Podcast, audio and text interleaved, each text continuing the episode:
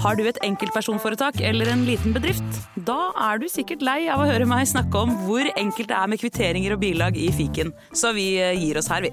Fordi vi liker enkelt. Fiken superenkelt regnskap. Boksen går! Å, gøy! Faen, jeg, fikk, jeg har lyst til å leke sånn en gang igjen. Altså, Boksen går, liksom. I voksen alder tror jeg det er like gøy. Ja, men Boksen går er jo altså- det beste som finnes å leke. Ja, boksen går. Altså, jeg lekte jo slåball i voksen alder for veldig veldig kort tid siden, og la meg bare si at det har blitt gøyere. Og det skulle man ikke tro, Og kanskje. kanskje folk treffer Før så bomma folk så mye, så det var Ja. liksom sånn ofte ti minutter uten at noen traff ballen. Ja, jeg ikke var sant? liksom ikke høy nok. Jeg klarte aldri liksom Nå treffer alle hele tida, og det er bare full Det er jo mye mer slitsomt, men det er også mye gøyere. Nå er jeg også trygg nok på meg sjøl til å eh, slå jenteslag, som vi kalte det. Ja. For det turte jeg ikke når jeg var yngre og måtte være tøff gutt. Altså underhåndslag. Underhåndslag, ja. Det kalte vi jenteslag. Ja. Mens vi gutta måtte jo slå refereret rett frem, men det er mye lettere å treffe med jenteslag. Det visste jeg ikke, faktisk. Hva da? Jeg visste ikke at det fantes et jenteslag. Jo, det var så, jo, det sa de til meg også. Ja. Sånn. Det som er litt dumt med det såkalte jenteslaget, er at ballen går mye høyere opp, og vil derfor også være lettere å få pol. Ja, det er nettopp det. Og er det noe som er, mer, er det noe som er mindre populært enn å ikke treffe ballen, så er det å skape, skaffe pol til andre Det er helt riktig. Uff a meg, ja, det er det verste du kan skje. Det. For da bytter man. Da er det plutselig de som skal få lov til å slå, Ja. og dere som må stå ute. Men jeg føler at vi kanskje burde arrangere en slags sånn slåballturnering mot de andre morgenprogrammene uh, her på huset. Vi må, Fikk ereksjon, jeg ja, jeg er helt enig med at vi må det, men da må vi få inn et par eh, sånne wildcards fra andre steder. Fordi å spille Vi er ganske få mennesker sånn totalt her, altså Ja. vi som sitter rundt dette bordet. Uh, og da å spille, det blir veldig slitsomt. Ja, men vi tar jo med oss uh, redaksjon, Jørgen, da. researcher, eh, Kristoffer, eh, som er videomann, Kristin, produsent, Lasse, altså sjefen. Ja, Ja. sjefen må med. Køkvik skal med. Ja. Og oss Dette mot Radio kjempebra. Rock og de andre, eh, Radio Norge, og det kan bli Ja, ålreit. vi får med oss Radio Rock. Ja, det gjør vi. Kjempeidé. Ja, jeg har spilt eh, fotball mot Radio Rock. De er overraskende ålreit i formen, de, altså. Er det det, altså? Ja. Så det der kan vi bli va- vanskelig for oss. Vi får trene oss opp, da. Ja, vi må gjøre det. Vi skal gi dere denne podkasten nå og slutte å snakke. I dag kan du glede deg til Tor Steinodden, vår USA-ekspert, som er innom og forklarer alt rundt toppmøtet. Eh, Det er quiz, selvfølgelig. Det er lokalavis. Eh, Er det noe mer? Maria Stavang. Ja, herregud, Pia Tide var innom. Jesus Christ. Eh, Vær så god. Morgen på Radio 1. Her er Ken. God morgen. Her er Samantha. Hei. Jeg heter Niklas, god morgen Og god tirsdag er det blitt, vet du Ja, er plutselig uken godt i gang Hva er det du kaller dette for noe, Samantha? Dette er Dette turbotirsdag. er turbotirsdag, Ja. fordi det er Fordi det, fordi det bare er Man trenger litt turbo på tirsdag, for det er liksom Ja. Noen vil kalle det eh, ukens kjipeste dag. Ja. Fordi det er jo ikke lille lørdag, som Nei. er onsdag. Som det er på en måte da, når du er ferdig med onsdagen, så bikker du jo mot helg. Mm. Mens tirsdagen bikker ikke mot noen ting. Den bare er der. Det er liksom like, det er ganske lenge igjen til helg. Og så var det på en måte mandag i går, så det er litt sånn Ja, men jeg syns allikevel at den, er, den har noen eh, bedre kvaliteter enn en enn mandagen. Ja, det, ja, det er jeg enig Er du ikke enig i det? Jo, det er derfor Ja. det er turbo. Ja. Det Man må er egentlig skru opp mandagen som trenger en megamandag. Eller det, det, det er den jeg føler virkelig trenger noe. Ja. Da kan vi jo prøve å oppsummere mandagen da Siden eh, mandagen tross alt er ferdig Og vi nå er inne i tirsdagen Klokken er seks på morgen Hvordan var mandagen falle? Eh, jeg prøvde nok en gang å, å begynne, å begynne å like Westworld igjen. Det klarte Ja, det er ikke. Fordi det er, nå er det helt eh, idiotisk. For, en- for en drittserie ja, Da har det blitt en For en forbanna drittserie. Ja, men Nå føler jeg meg lurt. Altså Nå føler jeg meg sånn som dem som satt og så på Lost i fem sesonger, eh, følte seg. Sånn føler jeg meg. Ja. Skjønner du hva jeg mener? Og så bare, å ja, nå er det ga isbjørner og røykmonstre der plutselig. Plutselig er tilbake på ja. Ja, plutselig, er det tilba å, ja, plutselig har vi spurt tilbake noen år. Og nå er det, ba- altså, sånn er det blitt i Westworld. Men er allerede. det så mye crazy? Og jeg husker at den første episoden, den syns dere var lovende, var det ikke det da? Jo, jeg syns egentlig den var det. Eh, men så har det bare sklidd totalt ut. Eh, Problemet er De har jo fem forskjellige tidsregninger I en og samme episode Å ja. Det er Ja. ikke mulig å skjønne når, når og hvor du er Ja, eh, Uten å røpe for mye, så handla um, den episoden som nettopp har kommet ut nå Nå gir jeg liksom folk mulighet til å holde, ja. putte noen små q-tips i øra. Hvis Ok, ikke skru av radioen i nøyaktig 20 sekunder Hvis du ikke vil vite dette Ja, Hva, hva skal jeg gjøre, da? Ja. Følg med Ja. Har du tenkt å høre Nei, nå har jeg ikke så veldig lyst til å se det lenger, da. Men Nei, eh, men det er, det er bare Plutselig så følger de en av de eh, robotene som man egentlig bare har sett i bakgrunnen før. Så en, ha, for en hel episode. ja vel. Og det er jo bare, Jeg skjønner ikke noen ting av det. Det er alltid et veldig dårlig tegn når de begynner å ta sånne der, Sidehistorier. ja, sidehistorier fra den hundrende viktigste personen i universet. Så, men det, det skal eh, på Men den måte personen, eller den roboten skal kanskje få en litt viktigere rolle etter hvert, da? Eller? Ja, eller har sett noe som liksom er viktig i det store okay. men. Et eller annet, men allikevel. Um, det er liksom 50 minutter fra noen man ikke trenger mer enn tre minutter fra. Herregud, Ja, så altså, kjedelig. Ja, altså, den, eh, for det første må du ha en notatblokk. Du må tegne et kart. Og du må, altså, du må følge noe så inn i granskauen med hvis du skal få med deg hva som foregår denne sesongen. Og Ja. fortsatt da mener jeg at det er umulig å faktisk ha oversikt. Det er jo, den, denne sesongen er laget for kaos. Ja. Og jeg blir så forbanna av det. De som på en måte har kastet femmeren og sekseren og sånn, de har jo sett hele sesongen. Nei, de, har, For, ja, har de det? nei, de får vel fire eller fem episoder, i anmelderne. ja. Og jeg mener at dette er en sykdom blant anmeldere. De går Ja. i flokk. Ja, det gjør Ja. de jo. De går i flokk, og hvis noen har bestemt seg for at dette skal vi like, så liker vi alle det.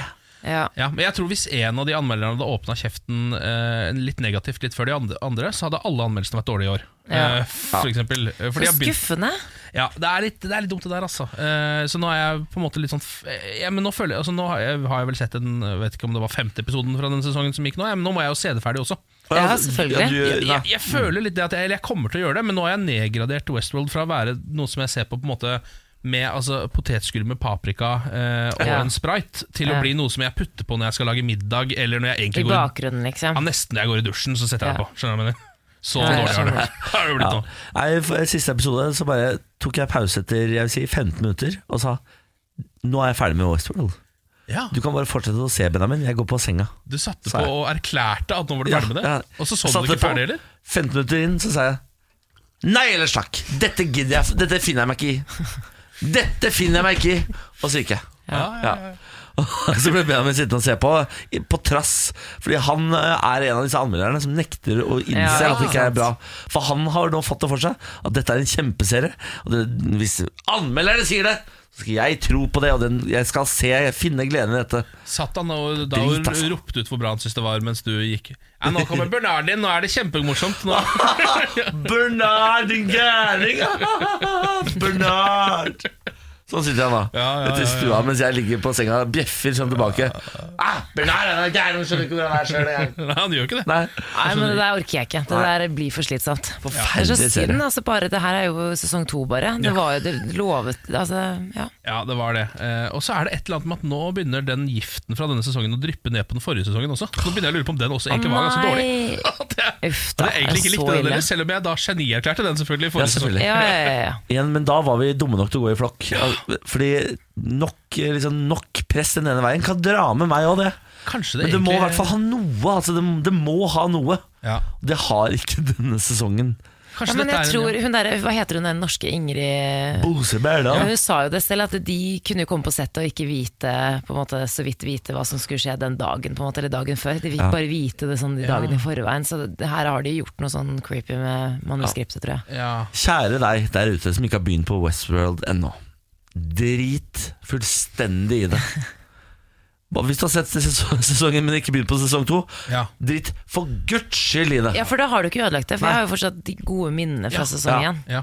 Det er ikke noe vits å se sesong to. Bare la det ligge. Bare la det ligge. Jeg tror det er bra for deg. Og så er det, altså, jeg, for meg og Niklas så har jo dette vært en øyeåpner. Vi går ikke lenger i flokk. Vi gjorde det helt Det fram til nå, men nå har vi skulle slutta med det. Det er dette, altså, Kanskje det er et sosialt eksperiment fra skaperne bak Westworld. ja, altså, de hørte for mye på Fugli i, eh, i, i, i bare føtter på sånn da. Ta vare på flokken din. Vet du hva? Nei. Jeg bryter fra flokken. jeg. Jeg tar ikke vare på flokken min akkurat nå. Nå går jeg mine egne veier. Eh, og det skal du også gjøre, kjære lytter. Aldri Ja, det, se. Westworld. Aldri. Morgen på Radio 1. Kim og Trump er jo det som preger nyhetsbildet akkurat Ja, nå. Hele er verden holder jo på en måte pusten litt for at dette skal gå bra. um, og vi skal jo snakke mer om det i dag, på viktigere måter enn vi kommer til å gjøre nå. Men har dere fått med dere hvor de egentlig skal møtes? Er det Eh, ikke noe sårt resort da i Singapore? Ja, det er, de er, det er en bitte liten øy Ja. uh, i Singapore som heter Sentosa. Um, og det jeg ikke visste, var at hele denne øya eh, er da, ifølge NRK, som har skrevet en sak om det, er en fornøyelsespark. Jøss. Altså Inne på de- dette bitte lille området her Så ligger da Universal Studios Singapore. Å, det er gøy. Er det som preger hele den øya. Eh, og så har de også Jurassic Park og Halloween Horror Nights. Eh, og to golfbaner og et massivt kasino, ett av to som ligger i Singapore i det hele tatt. Dette elsker jeg. Og det er liksom hele øya. Men det er ikke tilfeldig. Det, er def- altså det her er så planlagt. Enten det, det må ha vært Kim Jong-un som står bak der, for han elsker jo den delen av amerikansk kultur. Det er det jeg også tenker. Og så det tror jeg også Trump liker den delen Ja, ja, ja, av amerikansk kultur ganske godt. De Det er al- Florida. Ja, det er Florida. De har møttes i Florida. For de som aldri har vært på Universal Studios, det er jo ikke bare en sånn Altså, det er Tusenfryd. Mm. Det, er, det er bare masse attraksjoner og Ja. det, altså, det, er, det, er, det, er berg-og-dal-baner og Ja. alt som er gøy. Dinere og hurra meg rundt. Men det er jo en liten Orlando, altså i Florida, der hvor um, Disneyland og sånn ligger. Det er sånn Ja. type stil, tipper Ja.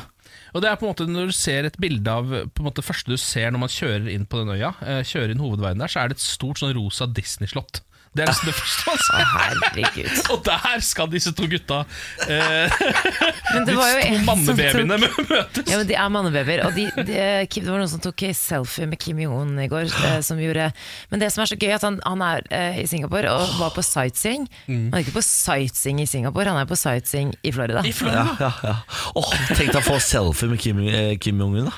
Ja, Det, er, tror jeg, det er, tror jeg er min drømmeselfie. ja, det tror jeg. ja. Ja, altså virkelig. Det er min drømmeselfie. Heller han enn Trump. Ja.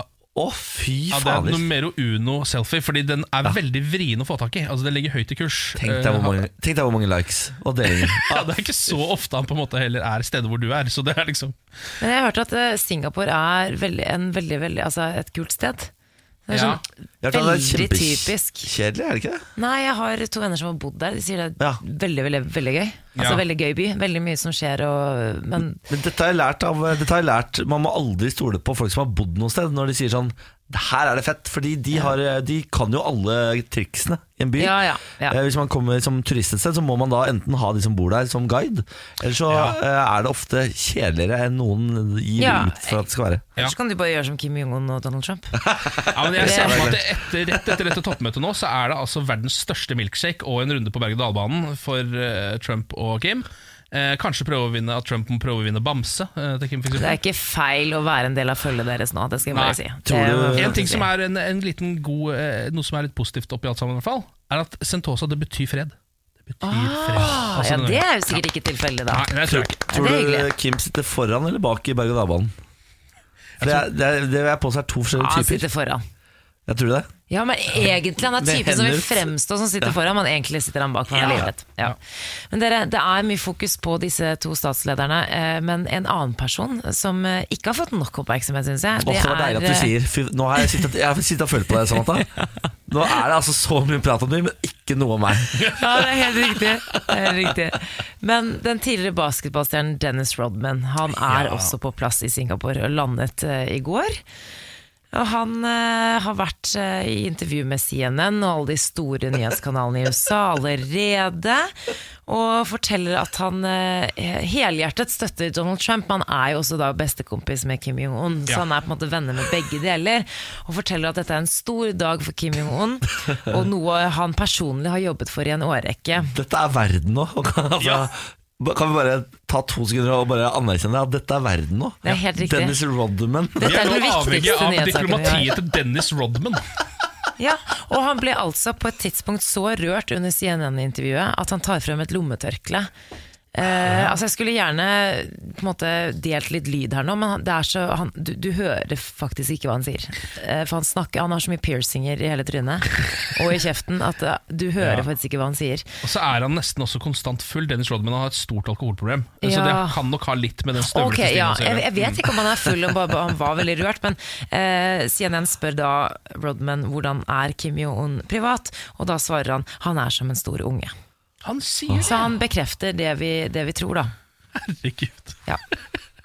Dette er verden nå. Ja. Ja, altså Ja, Dennis Rodman. Bare Ja. jeg vil ha en sånn. Vi er avhengig av deg, Dennis. Bare lever. Å, faen meg. Jeg har en hund som heter Bjarne. Det er en golden doodle på seks år. Ja. Han har vært på hyttetur, bada og kosa seg, men han har klart å slite av seg potene. Hva, hva sa du? Eh, Slite, ja, altså. for Han har fått sår under potene nå. For han har eh, gått opp og ned Svaberg og sånn. Ja. Det er ikke, Poten er ikke vant til såpass mye håndtering som han har fått nå.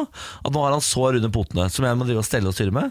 Men det betyr også at han eh, syns det er vondt å gå i trapper, han syns det er vondt å gå tur generelt.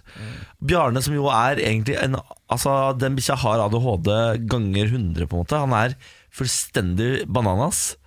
Nå går han og subber bak meg eh, på tur, for han syns det er vondt å gå.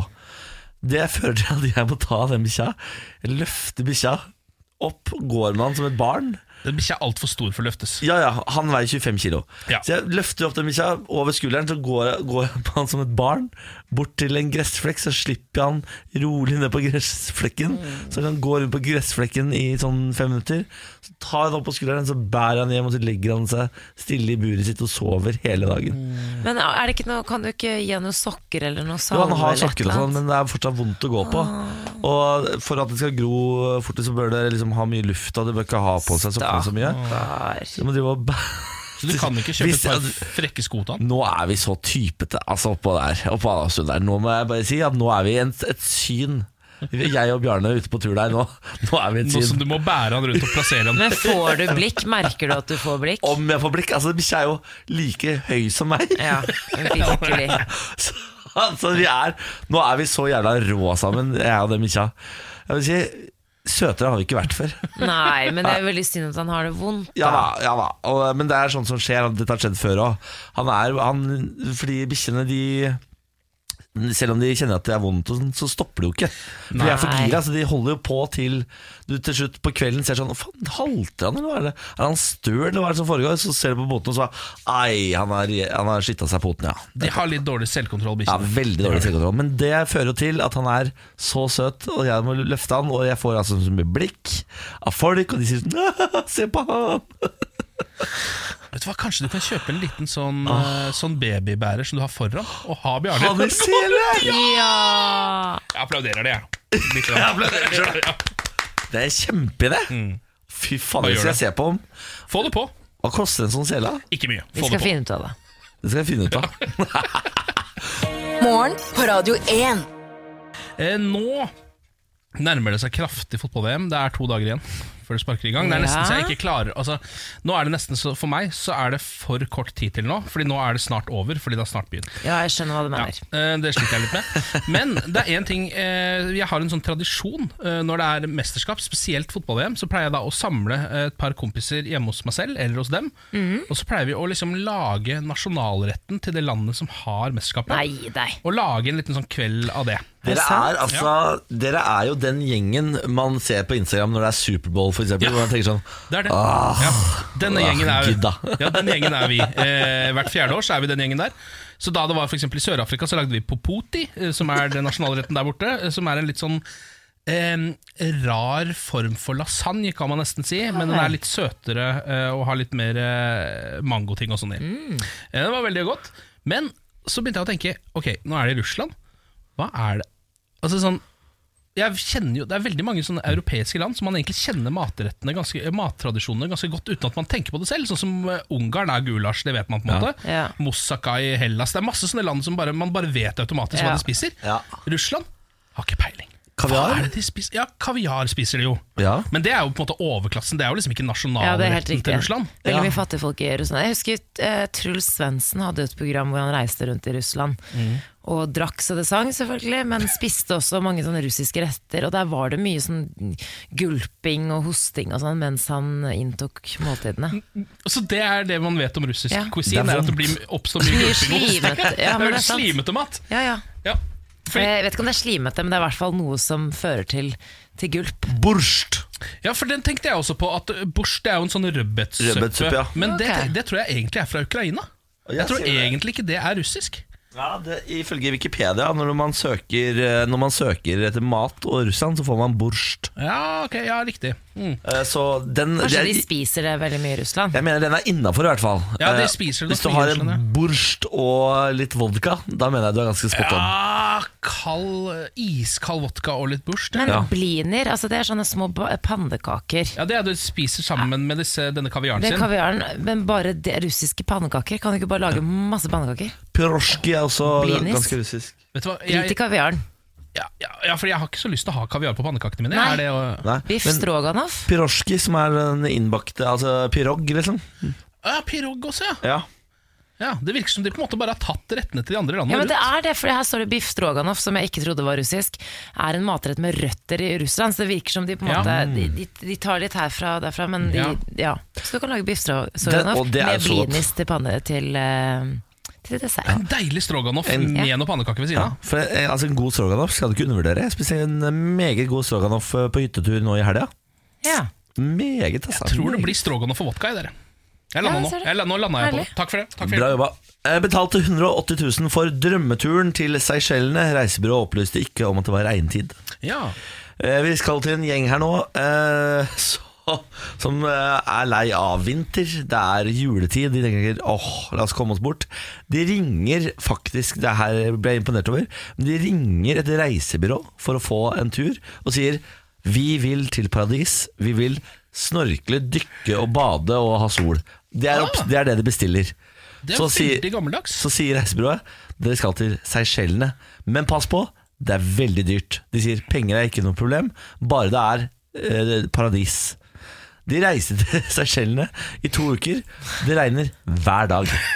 Nei Ja, det er litt smell, da. De eh, klager på dette. Ja. Reisebyrået sier vi kan ikke styre været.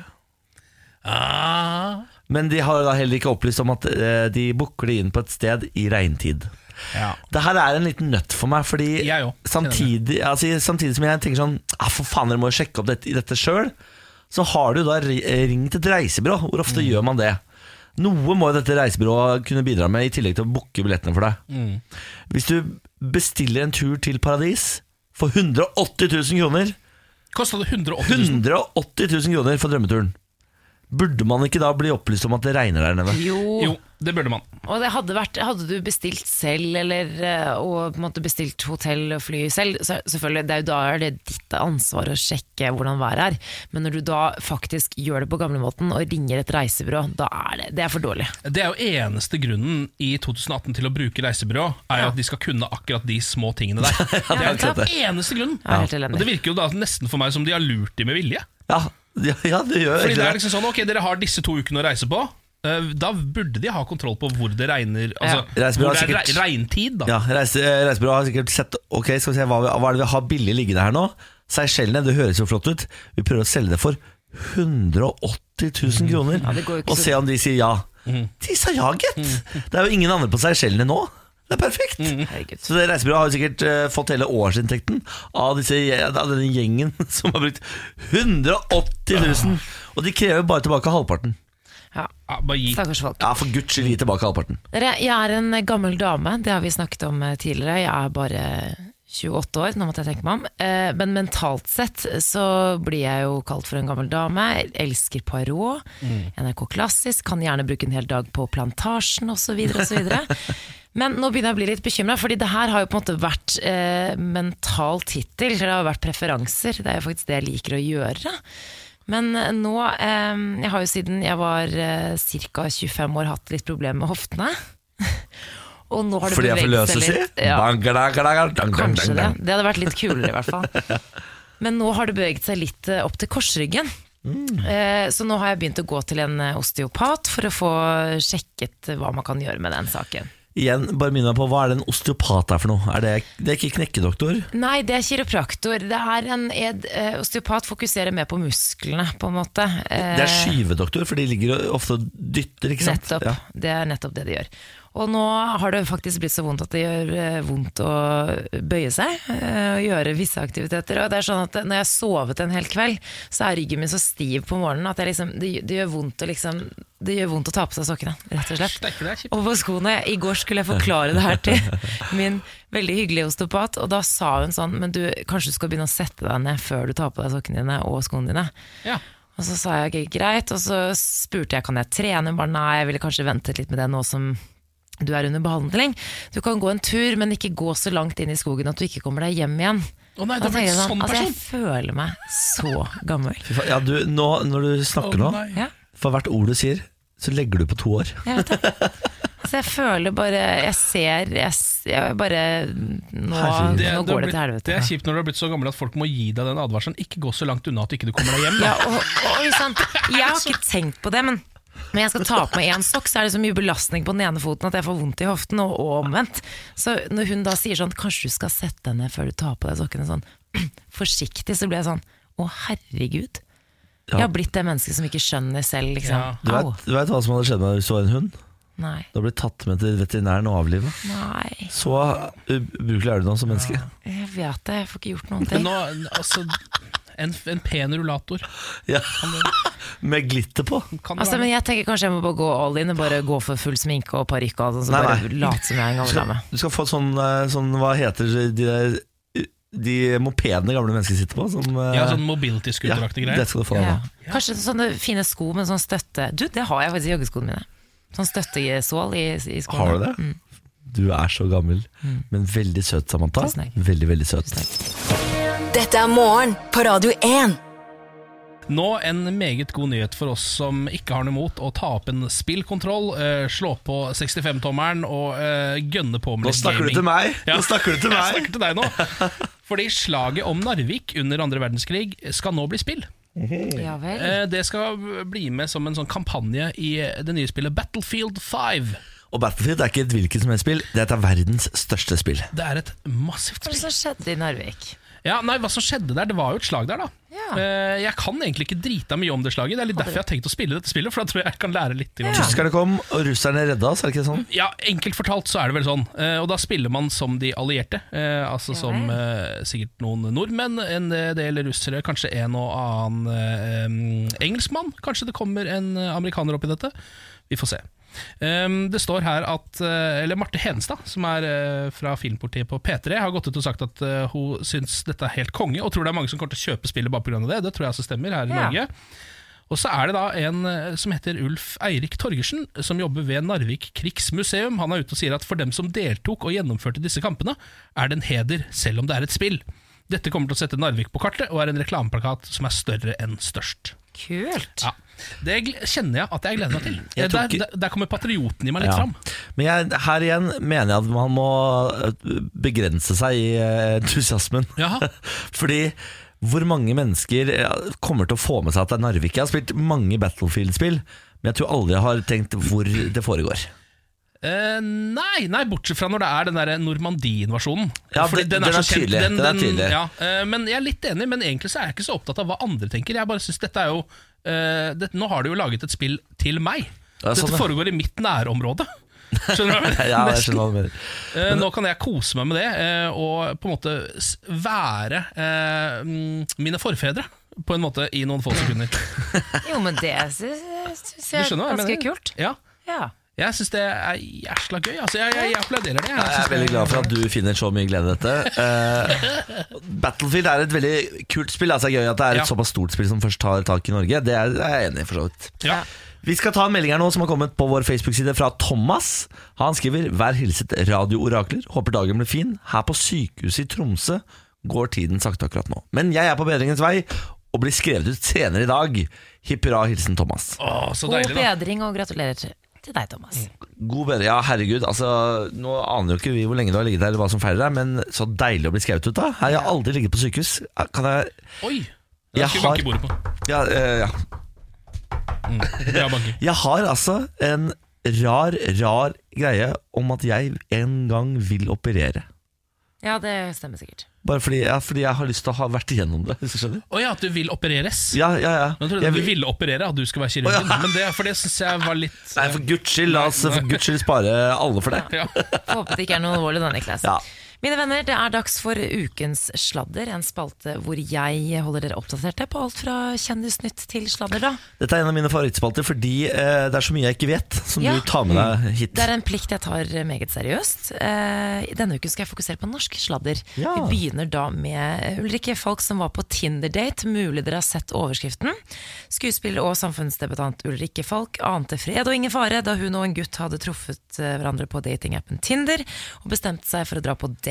På denne eh, tilfeldig valgte baren, eh, så møtte Skamstjernen og hennes mannlige følge eh, datens far på denne puben.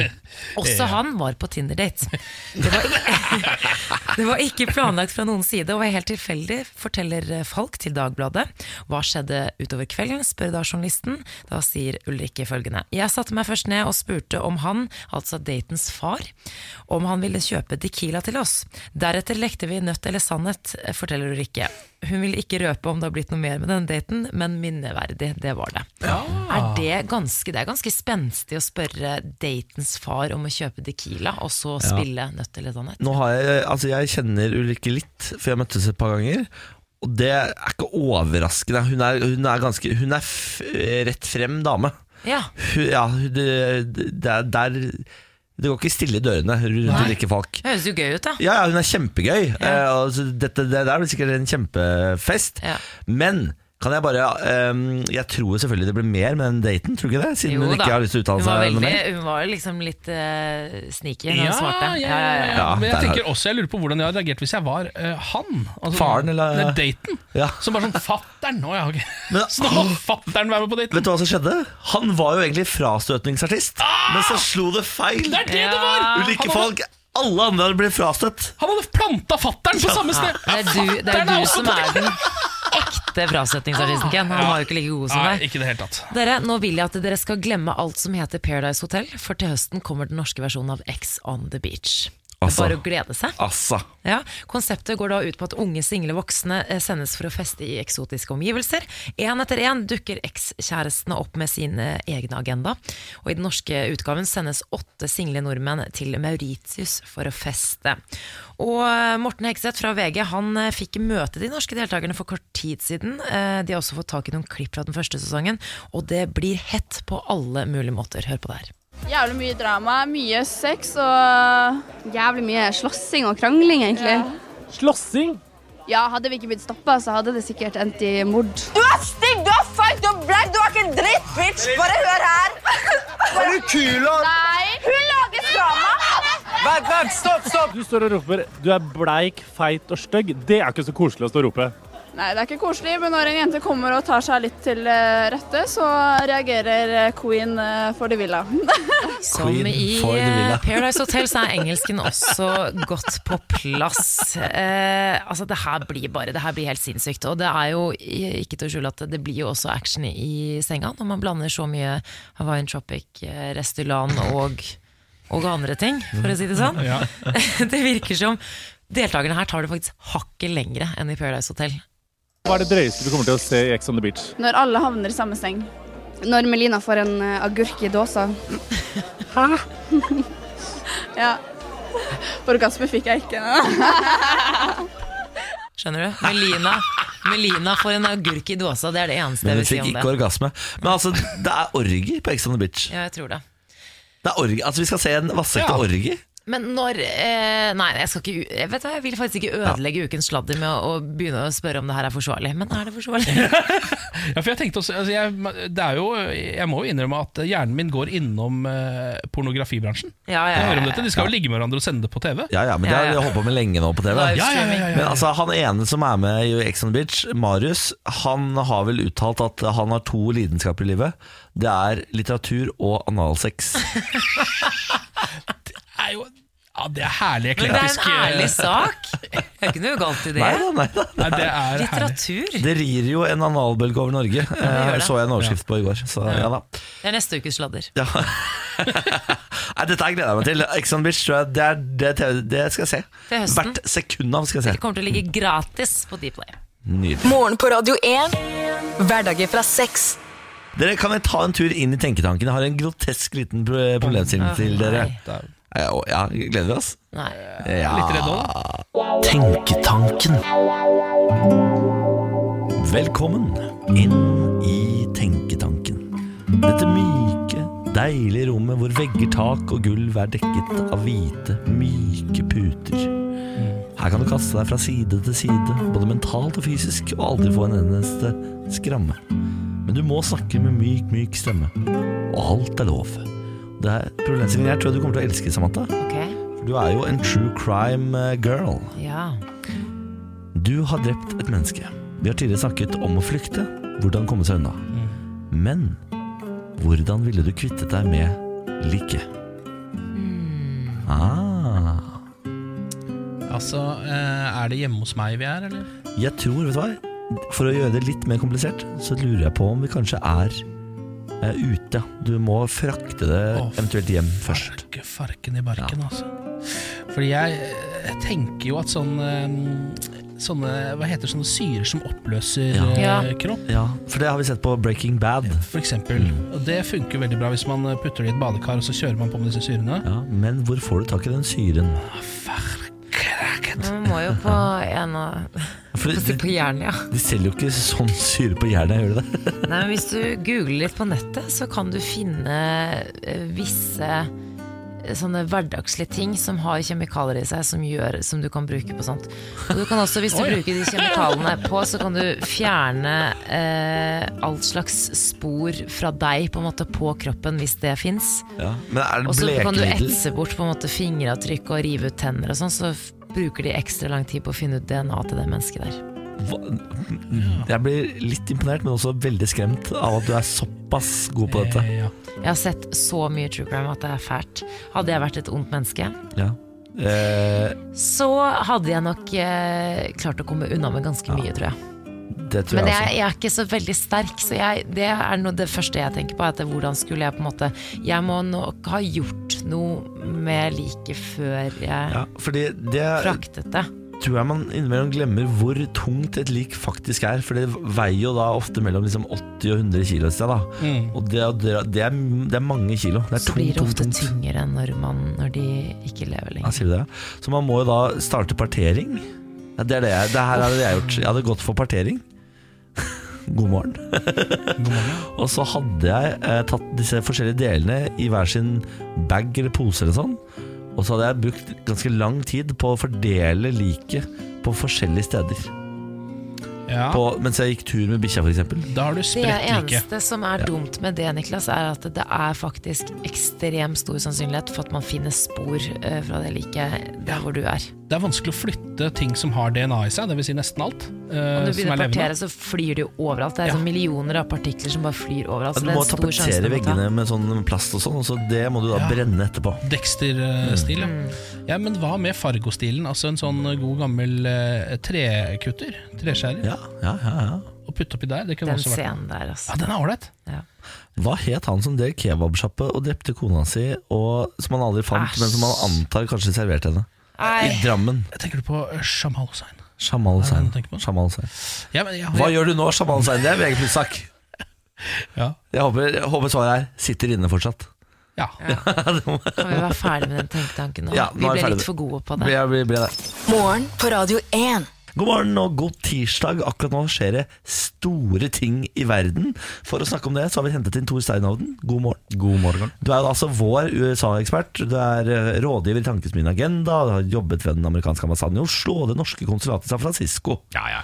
Eh, I natt rundt halv fire norsk tid så ble det skrevet verdenshistorie. Eh, USAs president Donald Trump og Nord-Koreas leder Kim Jong-un møttes altså i Singapore. Det er helt utrolig. Hæ?! Dette er første gang en nordkoreansk leder møter en sittende amerikansk president. Hva vet vi så langt? Vi vet at det ikke har gått eh, forferdelig ille, iallfall. Eh, og vi har sett de shake hands, veldig sånn seremoniell eh, oppvisning. Gikk mot hverandre sakte, men sikkert. Eh, Shaka i elleve sekunder eller noe sånt. Litt kort, kanskje? Ja, litt kort, og, og ingen klemming eller noe sånt. Så Det var en hånd på skulderen der. Så jeg for hånd, Trump, ja, ja. Trump klarte ikke styre seg, han måtte ha en hånd på skulderen. Ja. Ja. Måtte, ja. Eh, og så gikk de og tok eh, en liten privatsamtale som varte vel i 45 minutter. Der hadde de med seg tolkene sine. Eh, og så har de nå hatt flere bilaterale møter, altså møter mellom de to delegasjonene. Spist litt lunsj. Og så har det kommet ut at de skal kanskje signere noe snart, som vi ikke helt vet hva er. Ja. Nettopp. Dette, altså dette møtet, det, det første møtet deres Det skulle jo vare opp mot to timer. Varte bare 45 minutter. Ja, noen kilder sa det. Jeg så at noen kilder mente mente at det her var right on time. 45 okay. minutter var det de skulle, og så skulle lengre møte vare i to timer. Så jeg tror det er kanskje litt misforståelser. For sånn, sånne møter blir jo veldig nøye planlagt, eh, og så lekker ikke alt ut på forhånd. Nei, og jeg så jo det at de hadde fått eh, kritikk da, for at de ikke hadde med seg på en måte noen slags form for protokoll, at ting ble skrevet ned, og dette kan på en måte skade eh, en av nasjonene i etterkant, for at det, det ikke er bevis for hva det ble sagt. Men det virker som det er mer sånn kompisprat. Ja, litt sant. mer personlig i den første, for å bli litt bedre kjent. Etablere et Hva, repertoar ja, sånn. Ja. hva ser du på TV for tida, liksom? Ja. Vi er der. Ja, jeg Big tror det. Mac eller altså, sånn. Men altså, eh, Donald Trump har jo hatt et tydelig krav for dette møtet. Det, skal, det er at Kim Jong-un eh, skal mene alvor rundt eh, nedrusting av atomprogram.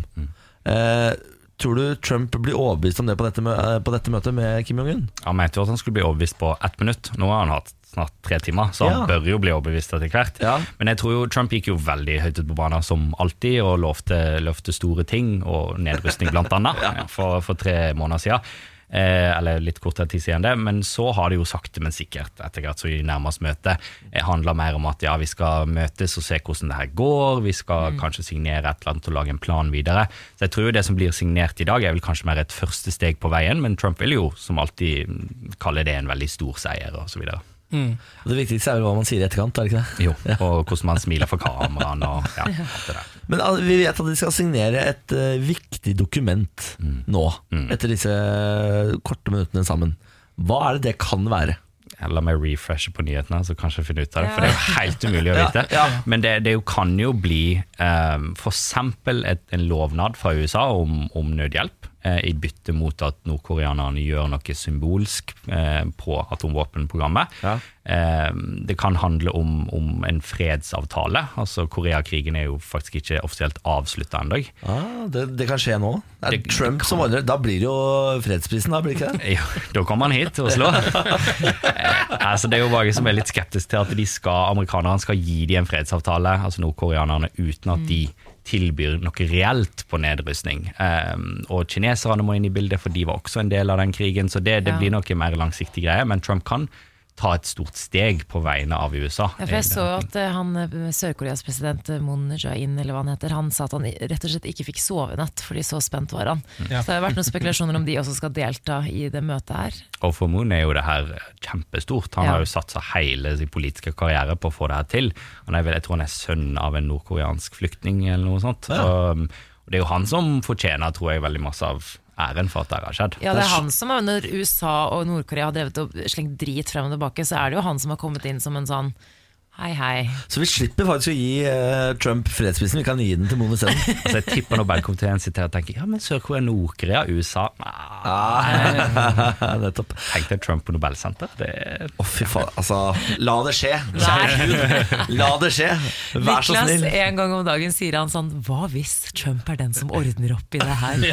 Med håp i Men det er stemmen. jo for vilt. Ja, ja. Det er jo for vilt. Men er, er det, for, Hvorfor skjer dette her nå, tror du? Nå er det Kim Jong-un, ganske ny eh, leder i Nord-Korea, og så er det jo Trump som sitter for amerikanerne. Ja, nå har jo Kim Jong-un klart å knerte noen slektninger og har fått eh, maktbalansen i orden i eget heimland. Eh, Trump har, eh, er på leiting etter en seier, er veldig uortodoks i sin tilnærming. Har vært en amerikansk president som tør å møte nordkoreanerne uten at de gir opp noe først. Eh, og mange har vært bekymret for at det gir Nord-Korea en høyere status enn de bør ha eh, fra starten av. Og det er derfor det er endra fra USAs side, for Trump har gjort det. Um, og så er det jo den sørkoreanske presidenten som, som har lobba bak uh, behind the scenes. Så er det jo mer sånn langsiktige ting. da. Nordkoreanerne har hatt ganske tøffe sanksjoner mot seg siden 2006. Kanskje de har innsett etter hvert at, uh, at det er på tide å prøve noe nytt. Uh, Kim Jong fløy jo hit i et kinesisk fly. Det spekulerer man i er fordi at nordkoreanerne sine fly er blitt for gamle. rett og slett. Ja. De får ikke oppdatert de. Så jeg vil jo påstå at sanksjoner har nok en virkning. Så det er nok mange ulike faktorer som virker inn. Dette møtet eh, pågår jo fortsatt akkurat nå. Eh, vi skal prøve å holde det oppdatert. Vi altså, du som hører på Radio 1, eh, vi skal ta en titt på det utover dagen. Tor Steinodden, aka The Torminator. Tusen takk for besøket. Takk for meg. Eh, vi snakkes jo igjen senere, vi da. Morgen på Radio 1. TV 2 møtte russiske hooligans før VM. Eh, russiske fotballpubber Ja. har vi hørt mye om. Ja. De er jo beryktet eh, for å være ganske røffe. De er kjent for å bruke vold, rett og slett. Ja. Hvis ting ikke går deres vei. TV 2 har gjort et intervju med en som kaller seg for Nikolai. Han anser, anser seg selv som en hooligan og er klar for å slåss under fotball-VM som starter nå hvert øyeblikk. Han ønsker å være anonym for å unngå trøbbel med ordensmakten, selvfølgelig. For Mm. politiet prøver jo nå å kartlegge alle sammen som, som kan skape trøbbel under VM.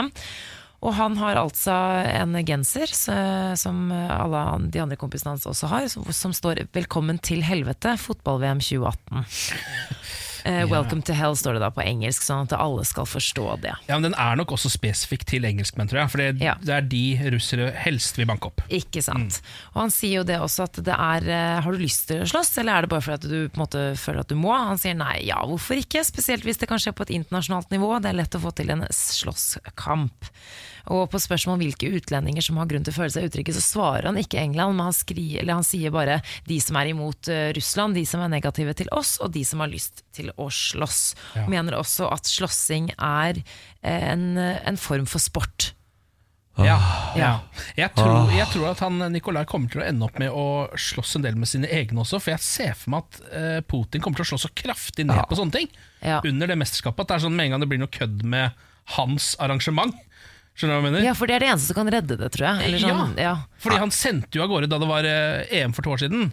Så sendte jo Putin av gårde eh, et knippe med topptrente soldater for å fly rundt og liksom være fotballhooligans i Ja, Frankrike. Og da ble En engelsk supporter ble jo drept Ja, under eh, opptøyer da russiske hooligans gikk amok eh, i Marseille. Mm. Og om disse menneskene så Nikolai hyller jo disse gutta, da. Eh, fordi han sa gutta viste Europa og hele verden at russisk fotball lever og blomstrer, og at man bør være redd for russiske supportere. Men hva, why? Hva tjener man? Jeg skjønner det ikke. noe. Det er litt rart at han eh, blander på en måte slåssing med fotball. Ja. For fotballaget deres suger jo. Eh, Det vet jo på en måte alle. Ja, nå må du sikkert- passe deg. Nå må du passe deg. Ja, men det, men det er liksom Det er ganske dritt, det laget. Altså. Ja. Men slåsselaget deres tror jeg kunne gjort det sterkt. Vi sier skjerp dere til mm. hooligans all over the place, egentlig. Ja, skjerp dere. Det kan vi godt si. En annen fyr som skal skjerpe seg, det er Wilfred. La meg lese fra Bergens Tidende. Syk homodyrking av pressen.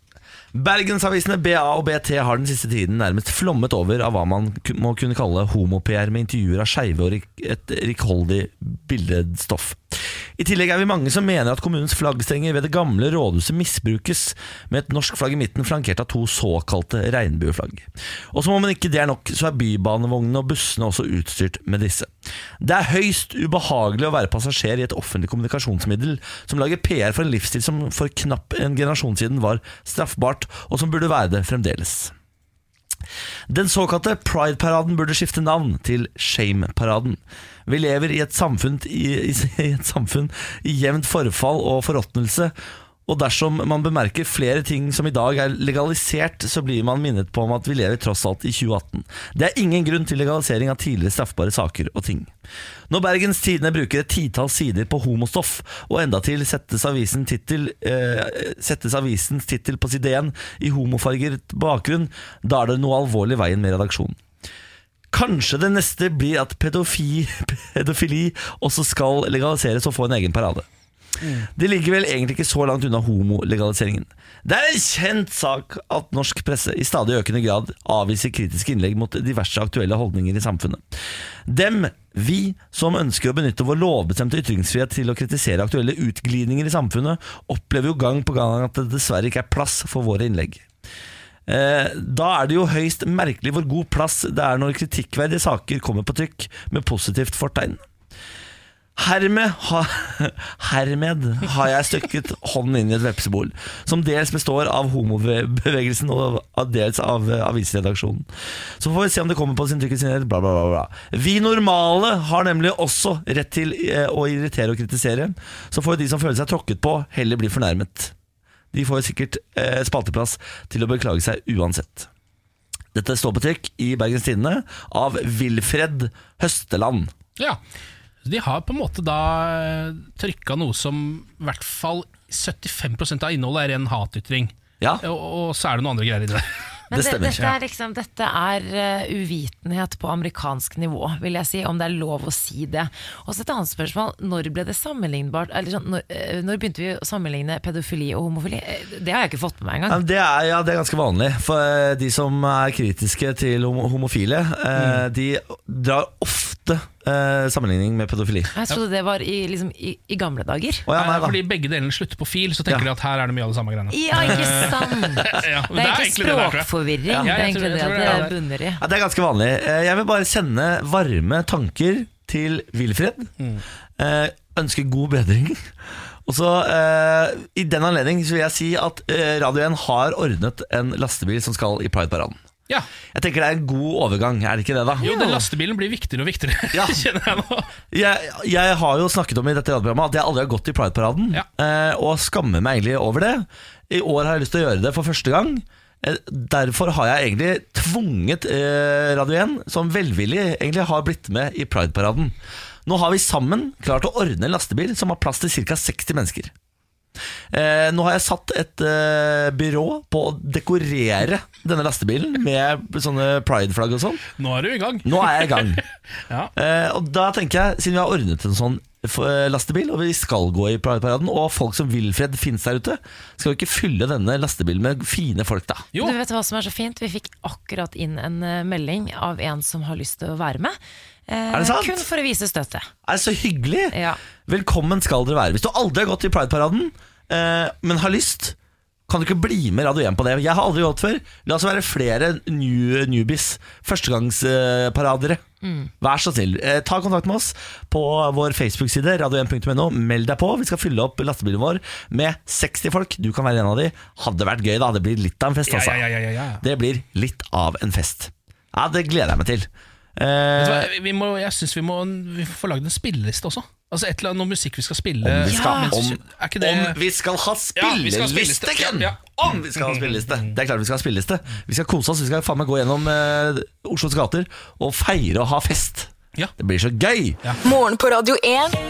Hverdager fra sex. Dette er Morgen på Radio 1. Her er Ken Vasenius Nilsen. God morgen. Hei. Her er Samantha Skogran. God morgen. God morgen. Og nå skal vi snakke om Frp-Siv. Ja.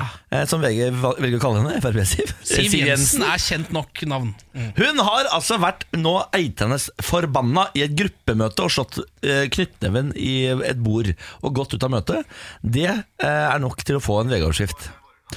Og det mener jeg, det er ikke nok. Eh, det, eh, Frp hadde et eh, forslag foran Stortinget som ble stemt ned. Så kommer Senterpartiet med et helt likt forslag som plutselig får litt eh, traction. Dette for å eh, irritere Frp. Det, det, er sånn, altså, det, er, det er rett og slett bare for å lage kvalm at eh, Senterpartiet eh, har fremmet et helt likt forslag som. Frp. Så klikker det for Siv Jensen et gruppemøte. Hun skriker og hyller, slår eh, hånda i bordet og forlater gruppemøtet. Så blir det VG-sak. Ja. Og da, eh, nå må jeg eh, innstendig eh, er det, Heter det det? Ja, Innstendig? ja, ja. Be pressen roe seg ned. Nå, altså, nå må, for, det er, dette er det beste, dette er sunnhetstegn. Ja, Er det ikke bra at det Jo. er litt sånn fyr og flamme Temperatur er kjempebra. Jeg orker ikke at det skal bli eh, VG-sak fordi politikere faktisk har et engasjement i jobben sin. Nei, og akkurat det der er jo griseirriterende. Eh, Hvis man f.eks. er i en gjeng, man er på en tur i utlandet, og så er man fire stykk, og så sier jeg sånn vi skulle ikke gått innom KFC da, tatt deg i bøtte med popkornkylling. Og så hører jeg bare sånn herregud, det er det dummeste forslaget jeg har hørt. Og så går vi ti meter, og så er det noen som sier Der er det KFC, skal vi gå inn der? Ja, vi gjør det! Så er det, Det sånn, det er det jeg sa! eh, noe av det verste jeg vet. Og da hadde Kenneth Nilsen sagt Nei, men Ja, da Jeg var førstemann! Jeg sa det først! Jeg foreslo det nettopp! Og det er en helt naturlig reaksjon som jeg hadde applaudert deg for. Ja. Si ifra. Ja, ja, ja, ja, ja. Så vet du hva, Siv Jensen, Det er ikke ofte vi applauderer Siv Jensen etter radioprogrammet. Denne skal hun få. Det er bra du reagerer. Ja, det er bra du sier. Vi skjønner det godt. Ane Dahl Torp ønsker skolen skal si nei til sosiale medier for barn under 13 år. Mm. Ane Dahl Torp har skrevet et debattinnlegg i Aftenposten som har fått mye oppmerksomhet. rett og slett. Hun vil at eh, skole og foreldre skal bli enige om at barna burde vente med sosiale medier som Snapchat, Facebook og Instagram til barna har nådd aldersgrensa 13 år. Eh, Utdanningsforbundet de er faktisk uenige. De ønsker jo ikke at For det, det det er snakk om da er at eh, på måte, skolen skal gå sammen og på en måte si at det her er ikke lov for våre elever, at foreldrene skal da på måte, skrive under på noe, og at alle skal være enige om dette. Ja. Eh, men Utdanningsforbundet de mener de er kritiske til at eh, det her skal på en måte legges på nasjonalt nivå, da, at det Ja. skal legges på en måte til skolen. Fordi de mener at foreldrene må kunne være med å bestemme dette. Ja, at Mm. det på en måte skal ligge hjemme på privaten, men Andal Torp mener jo at det på en måte ikke er nok. Da At eh, Da vil jo alltid være noen som sklir unna, og så på en måte er det noen som får Mm. lov, og så er det andre som ikke får lov, og så får jo alle bare til lov til slutt. Mm. Men jeg vet ikke. Jeg, jeg, nå, har ikke nå kom jo sosiale medier og sånn på smarttelefon da jeg var sånn 17 år, kanskje. Jeg gikk i andre gym. Mm. Ish. Jeg tror jeg fikk Facebook i første klasse, men i hvert fall sånn på mobil. Og sånn. Vi satt jo ikke med, på mobilene med Instagram og Facebook da jeg gikk på videregående. Nei. Men eh, det tar, jeg vet ikke. Jeg, jeg er litt enig med Andal Torp. Jeg, altså. Fotballtreneren og samfunnsaktøren Andal Torp, Ja. eh, som er ute her nå. Um, og jeg, jeg, jeg kan også være enig, men så tenker jeg også at eh, samtidig så må jo foreldrene Det er kanskje foreldrene som burde skrevet under denne kontrakten, på en måte. Ja. Fordi det er jo de som må bestemme det. Det er litt rart hvis skolen skal bestemme akkurat sånne ting, syns jeg. Ja, men det hadde vært så fint hvis det var sånn kom på skolen, så bare legg mobilen din her. Du Ja. får den tilbake når klokka er tre. Ja, ja. altså, i, med, når jeg gikk på skolen, var det ikke lov til å tygge tyggis engang. på en måte Nei, det er sant det Hvorfor skal de få lov til å ha mobilen Ja, klasserommet? Det nettopp. skjønner jeg ikke. Det, det må være helt innafor å ha et sånt ska, mobilskap hvor du legger mobilen på Mm. starten av dagen og Om får den igjen på slutten. Om ikke forby sosiale medier under barn, eller barn eh, under 13 år, så i hvert fall eh, mobilforbud. Da. Hvorfor Mm. ikke? Det er jo ikke for, så er det sånn, Med en gang noen foreslår noe, noe, noe sånt nå, så føler jeg at det er sånn Nei, nei, dette er ikke opp til oss til å bestemme. Ja. Jo, kom igjen. Ja. Hardt mot hardt. Kom igjen, Skolen må starte et eller annet sted, for foreldrene er i hvert fall ikke sterke nok til å si nei. Men jeg, for jeg fikk med da jeg leste den saken også at mange av de sosiale mediene selv, altså Facebook og Instagram og sånn, de har en sånn anbefales ikke for folk som er uh, under 13. Mm. Så de har på en måte bestemt det litt på forhånd. Ja, er, men er ikke det en faktisk eh, aldersgrense? Jeg tror Du har egentlig ikke lov til å være på Facebook hvis du er under 13 år. Nei, og samme som på Snapchat eh, Men så er det to 14-åringer nå nettopp da Som sa sånn, ja vi fikk jo Snapchat da vi var 11 Så det er Ja. ikke noe problem på en måte Det er jo bare å Bare fake velge det feil Ja, ja. dato. Det ja. Den har jeg aldri skjønt, den der 'hvor gammel er du'-greia på det internett. Det, Nei, hvor gammel er du på internett? Så gammel du vil være. jeg, jeg, jeg samtykker, jeg er over 18 Ja. Ferdig Eh, Vi må kjøre litt lokalstoff også. Morgen på Radio 1 Aviser deg Norge heter jo spalten, hvor vi da dykker ned i en lokalavis og følger den gjennom hele uka. Og det er jo Telemarksavisa som er ukas avis. Jeg er Thea, ja. Jeg er Thea, en avis du har fulgt tett, Niklas, tidligere. ja, det stemmer det. Jeg har jo bodd i Porsgrunn, og det er lokalavisen der. Vi var jo innom saken fra Notodden. Anders mista telefonen fra flyet, fant den uskadd igjen. det var helt utrolig. helt syk historie. Ja, det er faktisk det villeste jeg har hørt. Det er ganske sjukt. Nå er det denne saken. Liv skulle bare reklamere for en ost. Da ble hun sensurert av Facebook. Hæ? Ytringsfrihet ja, Ordene heilfeit og brun fikk Facebook til å reagere. De sensurerte innlegget som Liv Bermen laget for å beskrive en geitost fra Telemark.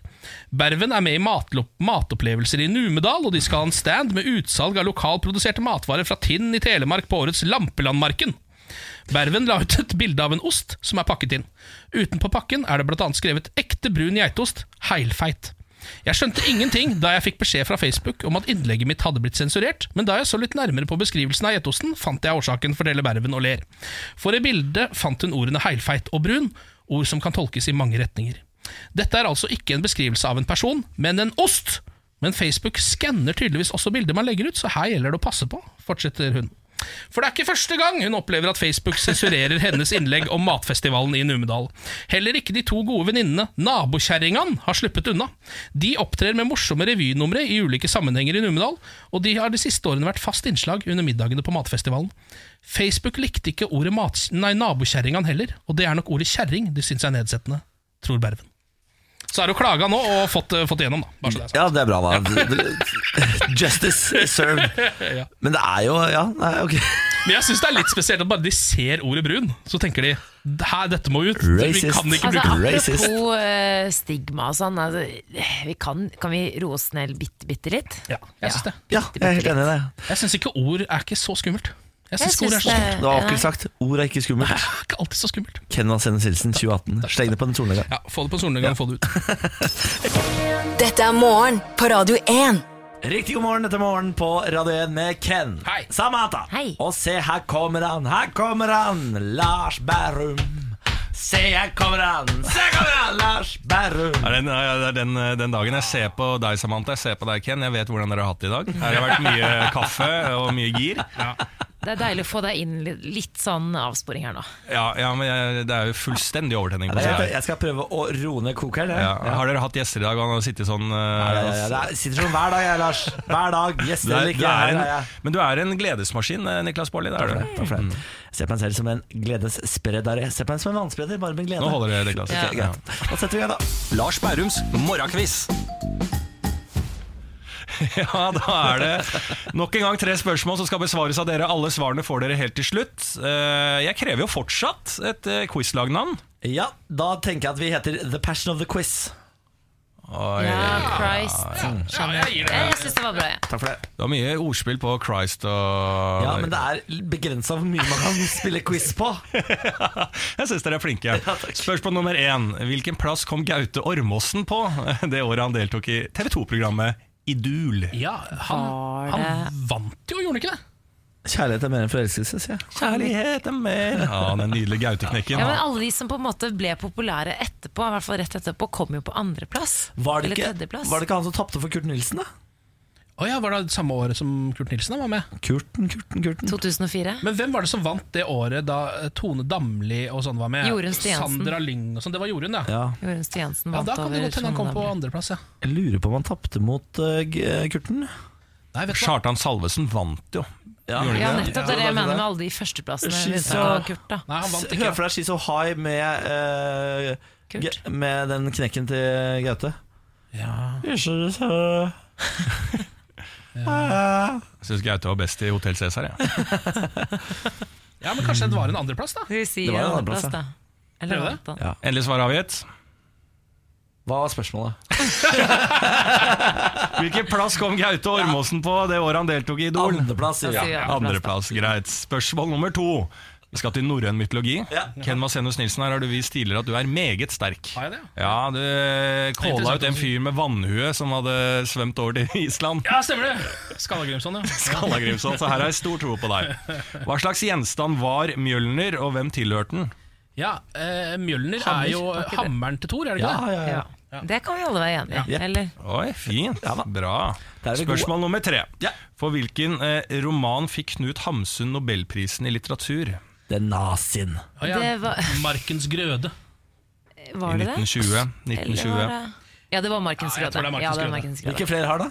Han har jo Victoria, for eksempel, har han. Og så har han eh, Sult, er Det er sult, ja. ja. har han. For det er det jeg, ja, nettopp for det er den Oi, jeg kjenner var det sult. sult?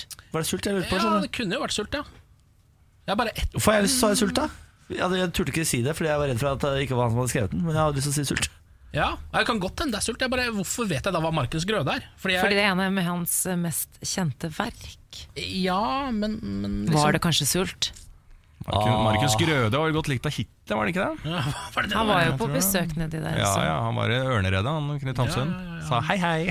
Han var litt, uh, Slang litt med høyrehånda, han. Ja. litt vel brun etter hvert. Han. Ja. Nei, var det ikke Sult, da? Nei, å, nå ble jeg usikker. Åh, jeg er en sult etter å få dette poenget, vil jeg påstå. Ja. Ja, kom igjen, bli enig. Nei, vet du hva, Ja, Ken? Du svarte først. Ja. Du skal få den, altså. Ja, men hvis det er sult nå, så siden begge dere går for det Så det, jeg, jeg Men vet du hva? Vi har ikke ballene altså. til å stå for dette Jo da, alene. jo da, Jeg tror det er bedre at uh, Niklas får alltid så mye tyn, Uh, så kanskje du skal ta feil denne Ja. gangen hvis det er feil. Ikke sant? Vi gir den til Ja. deg. Markus Grøde blir det. Markus Grøde, da får vi alle svarene, da. Ja, takk. Spørsmål nummer én. Hvilken plass kom Gaute Ormåsen på det året han deltok i TV 2-programmet Idul? Dere svarte andreplass. Ja. Det ble også nevnt at det var eh, bak Kurt Nilsen. Ja. Det er jo helt riktig! Ja, ja, ja, ja, ja, ikke sant? Og der ser du hvordan gikk det med Kurt Nilsen som vant. Gikk jo- Ikke så bra, Nei. men Gaute Ormåsen derimot. Superhits! Ja, det er helt sant. Spørsmål nummer to, da var det til norrøn mytologi. Hva slags gjenstand var Mjølner, og hvem tilhørte den? Tors hammer. Ja. Det er helt riktig. Nei, I dag, i dag, dere. Nå I er dere dag- gode. Skal vi bare se da om dere endte på riktig svar på siste. For hvilken eh, roman fikk Knut Hamsun nobelpris i litteratur i 1920? Var det Sult? Eller var det Markens Grøde? Okay. Var det Sult? Eller var det Markens Grøde? Okay, okay. Dere svarte Markens Grøde, og det er riktig! Tre av tre. Ken. Fytti rakkeren! Du var nervøs, jeg så det. Det er godt at dere stopper meg fra å ødelegge. Veldig bra jobba. Veldig bra jobba. Lars Berrum, Ja. det er ofte en glede å ha deg innom. I dag var det det. Ja. Jeg vil si at eh, det blir hyggelig å se deg igjen. Ja, takk. Eh, Vi snakkes jo da. ja, vi gjør det. Farvel til da. Farvel. Hei. Hei, hei. Hei. Ha det, ha det. Ha det, Lars. Ha det, hei, hei. Morgen på Radio 1. Nå er det VM-feber, Niklas. Eh, det er bare et par dager til fotball-VM sparker i gang. Jeg begynner å krible og bruse i blodet mitt. Jeg kjenner det, jeg føler meg som et barn. Um, og vi driver jo og går gjennom alle gruppene for at folk skal kunne plukke seg et favorittlag så de kan følge gjennom hele mesterskapet. Siden Norge ikke er med, så trenger man kanskje litt, en liten guide til hva uh, som egentlig gjelder der ute. Og nå har vi kommet til gruppe E. Der har vi Brasil, Sveits, Costa Rica og Serbia. Wow. Wow. Uh, vi starter med Brasil. Samba! Det er liksom kan, Er det noen som er god på sambatrommer? Jeg kan- Nei, men men hvis jeg kan- vi klapper, så kan du danse. Samba! The er Johnny! Ja.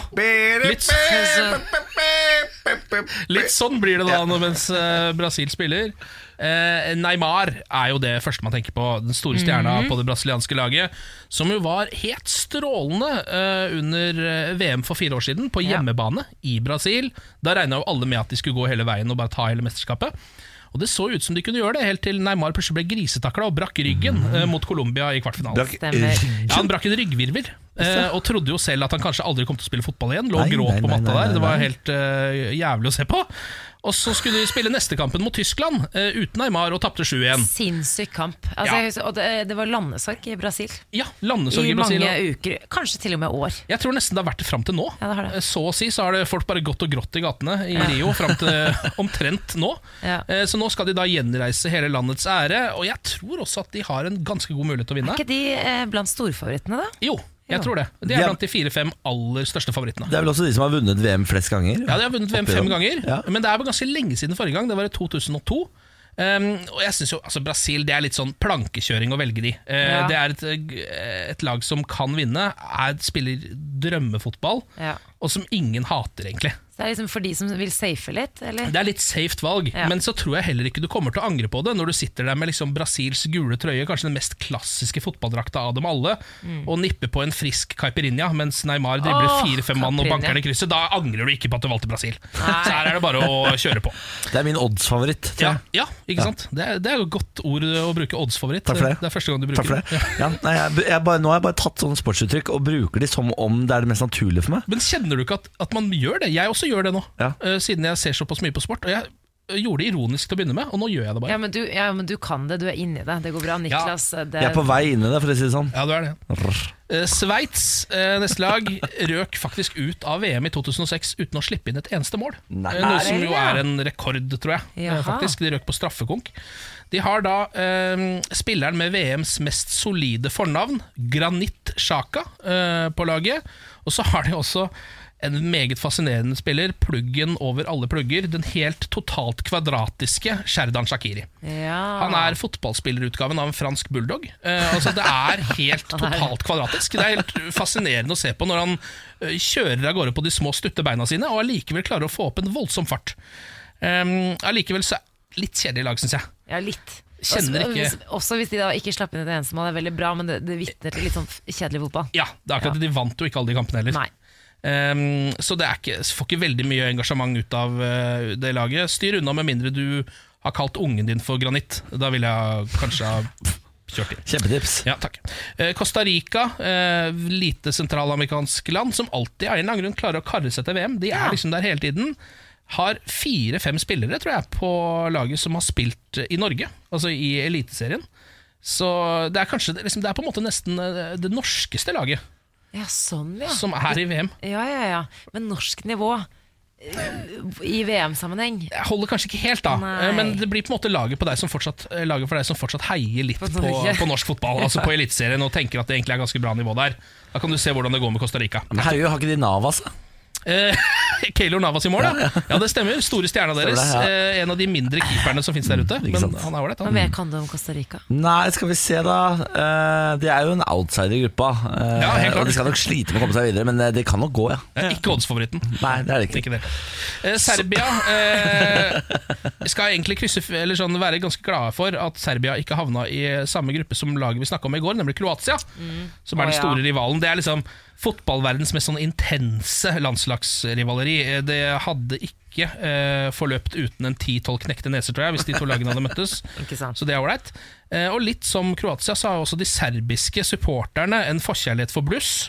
Ah. Eh, Ja, litt sånn som russerne. Ja, Kaste ut på banen og få kampen til å stoppe opp i en 20 minutter. Alltid litt dritt når Dette det har jeg opplevd. Jeg har stått på tribunen over serbiske fans når de Mm. kaster bluss på Ullevål og kampen ble utsatt. Ja. hadde jeg en popkorn og en brus som jeg kasta ned på de igjen. Ser du? Da var jeg helt, da var jeg helt gæren. Altså, Du er litt den typen, ja. Absolutt. Du har, tenderer mot hooligan. Hvis du, Ja. um, og så har de også Kampen deres har også noen ganger blitt stoppa uh, i hvert fall én gang pga. drone, som jeg aldri har sett før. Det kom en drone inn på banen Ja vel. med sånn politisk eh, budskap og noe greier på. Og da ble det jo et helvete, da. Men sånn eh, i det store og hele, beinhardt fysisk lag. Hvis det hadde vært 11 mot 11 med nevene, så hadde de tatt det. Ja. Eh, laget for dem som setter pris på en god lårhøne og litt blåveis Ja. når det er idrettsprestasjoner. Men de har jo Nemanja Man- Matic, vet du. Så det Ja, er jo Matic, ja, Matic er det man sier, kanskje. Ja. Ja, det ser du, du har litt peiling allikevel. Ja da! Ja da. Ja, men vet du hva, det der, eh, Takk for eh, opplysningen. Ja, ja, ja. Det blir- Jeg gleder meg til morgendagens gruppe. Vet du hvem som er der? Nei. Mexico. Ja, Mexico. Ah, Ja. og Tyskland, da, som kanskje er litt favoritter. Men det er maskinell fotball. Maskinell fotball. Har du begynt å lande Hva noe? du eller, Bård? kan, Niklas! Du har ikke begynt å lande noe ennå? Nei, favorittlag? ja, jeg, nei, egentlig ikke. Jeg har jo lyst til å si Portugal bare fordi det er altså, så udigg å like det. Ja, Mm. ja. Det så jeg foreløpig lurer jeg på det er Portugal. Altså. Morgen på Radio 1. God morgen, Samantha Skogran. God morgen. God morgen, Kenna Senus Nilsen. God morgen, Niklas Baarli. Og god morgen, Maria Stavang. God morgen. Aka Pia Tid. Øy, øy, øy. Jeg angrer på det. Da, får jeg det. Er det kult, eller er det en selv? Jeg må gi det et par uker, jeg, før jeg vet det. For jeg, jeg er aldri sånn som tar sånne ting med en gang. Jeg vet aldri om det er kult eller tamt uh, før det har gått et par uker. Hvis du skal si navnet ditt og så legge på en kul lyd etterpå, hva gjør du da? Ken Vasenius Nilsen, au! Det er ikke, ikke kult jeg svarer på det. Samme hvordan gjør du det? Hvis du skal. Nei, uff a meg. Jeg vet ikke. Jo. Niklas ja, Samantha Skogran. Oi, du går for seksuelt, ja. Jeg går for uh, sextelefon. Ja. Da er det meg igjen, da. Ja. Ja, jeg er for kul jeg for det. Så det... Nei, nei, nei, selvfølgelig er jeg ikke for kul for det. Niklas Johansen Baarli. Ja, ja, ja, ja. Ble du 13? Hold kjeft. Maria Stavang, du er jo her for å fortelle oss noe du kan. Ja, noe jeg vet. Hva er det for noe? Jeg kan masse om manga. Manga! Manga. Da setter vi i gang. Fortell oss. Fortell oss, fortell oss noe du vet. Eh, manga, som er japansk tegneserier. Eh, ja, nerd. Nei. Jo, det, jo, men det er jo noe jeg drev med på med fordi jeg ikke fikk ligge. ja, men det er jo ja. Du skal jo egentlig i teorien, hvis du liker manga, ikke ha noe særlig hygiene heller. Og, her, og det hadde jeg heller ikke. Blått hår. Og bare én venn, som er ofte en katt. Eh, men manga altså da en tegneserie som kom i, for første gang i 1814. Oi. Dette har jeg lest på Google rett før jeg kom. Jeg beklager. Som er eh, Ja, det er ganske svært, eh, med mange forskjellige kategorier. Du har jo kategorier for unge kvinner, unge menn. Du har jo også pornokategorien, og hvis det er noen av dere vet hva det heter Nei, jeg skal se, hva er det for noe? Ja, jeg, er det hentai? Ja, det, hvorfor kan du dette? Jeg har sett på det. Ja. Mm. Jeg har runka til hentai, jeg. Yes. Ja, så fint, da. Eh, Nå kan jo la Maria fortelle hva hun vet. Vi trenger ikke vite hva. det som er, jeg synes er så gøy med manga, er at det er så mye forskjellig. Mange forskjellige historier, alt fra liksom, han fyren som er alene på kontoret, til eventyrverden med gnomer og sånn. Uh, og jeg kan ikke så mye om manga, men det er bare mer historie. Jeg syns jo noen av mangaene er så bra at det er liksom på Harry Potter-nivå, sånn storyline-messig. Men så skal man prøve liksom å overbevise vennene om å være med. Og, Vil du være med meg hjem og se anime? og den, er ikke, den går ikke hjem, som ofte. Men det er, for det er jo massivt i Japan der det kommer fra, men det har liksom ikke kommet Det er ikke så stort i Vesten, er det? Eh, jo, men er vi, det, vi, da? jo, men vi er skapfolk. Ja, det er det, det er du skal det. ikke si høyt at du liker det. Altså, min kjæreste sitter dag ut og dag inn og ser på en sånn manga-TV-serie. han det? Ja, ja, Ja, ja. Det visste ikke jeg. Han Nei. sier ikke det. Nei, nei, nei. Nei, Jeg kommer til å bli drept fordi jeg sier det på radio. Men meg og Benjamin har jo bondet hardt over anime og manga. Har det? Ja, ja, vi har drevet og sendt hverandre bilder og sånn. Og sånne smale referanser. Men hvis du, jeg synes det var en fin sammenligning med det med Harry Potter. For det er jo noe med det at man Jeg leser Harry Potter for å på en måte leve meg vekk i en, en fantasiverden. Mm. Det er vel noe lignende, eller er det bare sånn dette er ren underholdning, dette er helt greit? Ne, begge deler. Ja vel. Eh, men manga kom jo til Norge oversatt for eh, mange herrens år siden. Jeg tror jeg var ti. Og da eh, lekte vi gjemsel hos en venninne hos meg, og så gjemte jeg meg i sengen til storebroren. Ikke spør hvorfor. Og da hadde han lagt fra seg de mangabøkene i, i sengen, og så mens eh, hun drev og lette etter meg, så begynte jeg å lese på det. Og så var det mye pupp, for det er jo det det er av og til. Mye nakenhet. Og når du er ti og leser det og er sånn Å, dette har ikke lov å lese. Jeg lurer på om jeg kan låne det på biblioteket. Så kunne man det. det er masse på biblioteket. Så det begynte der, og så har jeg på en måte vært den hobbyen som har overlevd lengst for min del. Av ting. Har du noen favorittmangaserie? Uh, Ah, Full Metal Alchemist. Unnskyld? Full Metal Alchemist? Hagane no renkin jutsu chi. Og det må du si en gang til. Hagane no renkin jutsu chi. Hagano, Torancha, Kjempebra, Niklas. Du, du må legge på halva, hattawa! Men jeg tok, jo, jeg tok jo to år med japansk eh, på videregående. Ja, det er ikke verst. Husker ikke så mye av det nå, da. Men ikke eh, fortelle om det i stedet, da. Ja, altså, manga går veldig i altså, japansk kultur. Du lærer mye om japansk kultur når du leser manga. Uh, vi dro ut på klassetur til Japan uh, i 2014, og da dro he meg og hele den japansklassen. Og vi er ikke en gjeng som henger til vanlig. altså det er, det er billettkontroll på trikken, liksom. og eh, noe av det gøyeste jeg husker, er at hvis du er fra Vesten og drar til, til Japan, så blir du veldig populær. Ja. Spesielt hvis du har blondt hår. Da klikker det for dem. Eh, så var jo, ble mye lagt an på i Japan. Ah. Men sånn sjenert lagt an på. Hvis dere Å ja, ja, nettopp. Ja. Lå du med en japaner? Nei, ikke så jeg kan huske. Kanskje Ja. på det karaokerommet, men, jeg- Ja, det skjedde noe på men der kan du sove hvis du, har, hvis du er litt sliten. Du kan ta natten der. Sove på karaokesjappa? Ja, du får eget rom, vet du. Eh, 300 kroner. Gratis drikke, så mye du klarer. Pia Tid, eh, Maria Stavang. Ja. Jeg, eh, altså, nå har jeg lært masse om manga. Ja. Eh, men eh, jeg vet at når vi snakket om at du skulle komme hit, så hadde du to ting du sto mellom. Det var manga og det å svelge en pølse hel. Det skrev jeg bare som en spøk, men ja, det er et partytriks jeg har. Ja. Jeg eh, kan ta en hel wienerpølse ned i halsen uten å rykke. Lukke igjen. og- Og hvordan er du singel? Jeg bare spør. Eh, Hvordan er det mulig at du er singel? Jeg, jeg bare spør. Det er jo en veldig åpen søknad. Her er det bare å ringe Maria. Her er det altså så mange gode ting du kan se på manga mens hun dytter pølser i halsen. For, altså For et forhold dere kommer til å få. Jeg gleder meg. Ja. Vi må dessverre runde av der når det begynte å bli interessant. Ja, det, det var veldig synd. Nå har jeg jo tusen spørsmål. Eh, Maria Stavang, tusen takk for besøket. Takk for at jeg fikk lov å komme. Dette er morgen på Radio 1. Samantha, Ken, Åh, Pernille, for en Annika, gjeng. Samantha, Ken Pernille. Det er en hyggelig gjeng, ass. Ja, God morgen og velkommen på jobb. Eh, Takk skal du ha. Er dere eh, kjent med Nikolai Astrup? Ja. Han er jo Norges kjekkeste politiker eh, og utviklingsminister. Og i går så ble han enda kjekkere da han gjestet EAT-konferansen. I et innlegg så sier han at i 2050 kan være mer plast i havene enn fisk. Og norske forsk forskere som kartlegger fiskebestanden i Afrika og Asia, forteller nå at nesten annenhver fangst ikke bare er fisk, men også plastavfall. Plasten forurenser dyrelivet langsomt, og den sjømaten havner på spisebordet vårt, sa utviklingsminister Nikolai Astrup.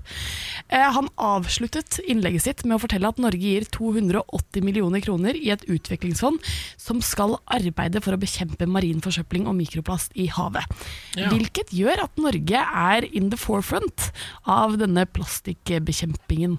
Det var omtrent samme sum som Kevin Costner brukte på verdens største støvsuger eh, for ca. ti år siden, som skulle da ta opp olje fra havene.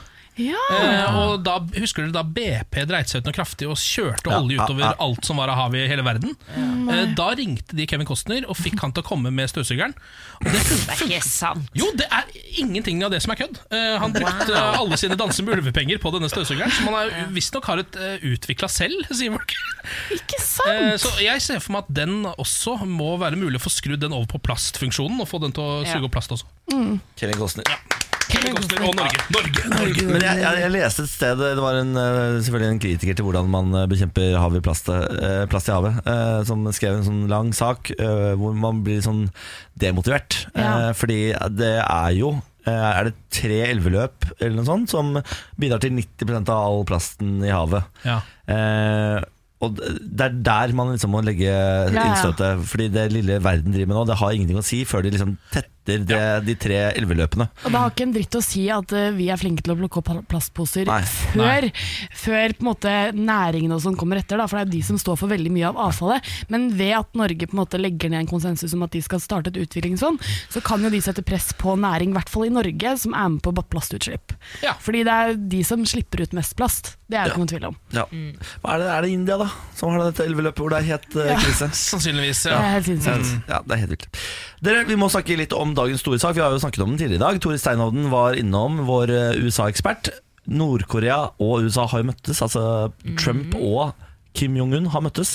De har skrevet en avtale, og Nord-Korea har forpliktet seg altså, til full atomnedrustning. Ja. Eh, eller som det står med liten skrift, til å jobbe for full atomnedrustning. uh, så de, det er ikke sånn at du bare, de kommer tilbake og så skal alt være borte. Det skal de, begynne, de skal begynne å jobbe for det. Det er fire punkter her som uh, har eh, eh, som har blitt undertegnet av Kim Jong og Trumpen. Det er ikke offentliggjort, denne erklæringen, men det er bilder fra møtet som viser disse fire punktene. Ja. Én. USA og Nord-Korea forplikter seg til å etablere nye relasjoner mellom landene i samsvar med de to landenes befolknings ønsker om fred og velstand. Ja. Ja, Det er jo rimelig sval av dette. Ja da. Eh, to. USA og Nord-Korea vil gjennom felles innsats bygge et varig og stabilt fredsregime på den koreanske halvøya. Ordet Det er litt- regime er mer her. Fredsregime. Ja, det var, et regime var litt dumt, men det var litt mer konkret, da. Ja da.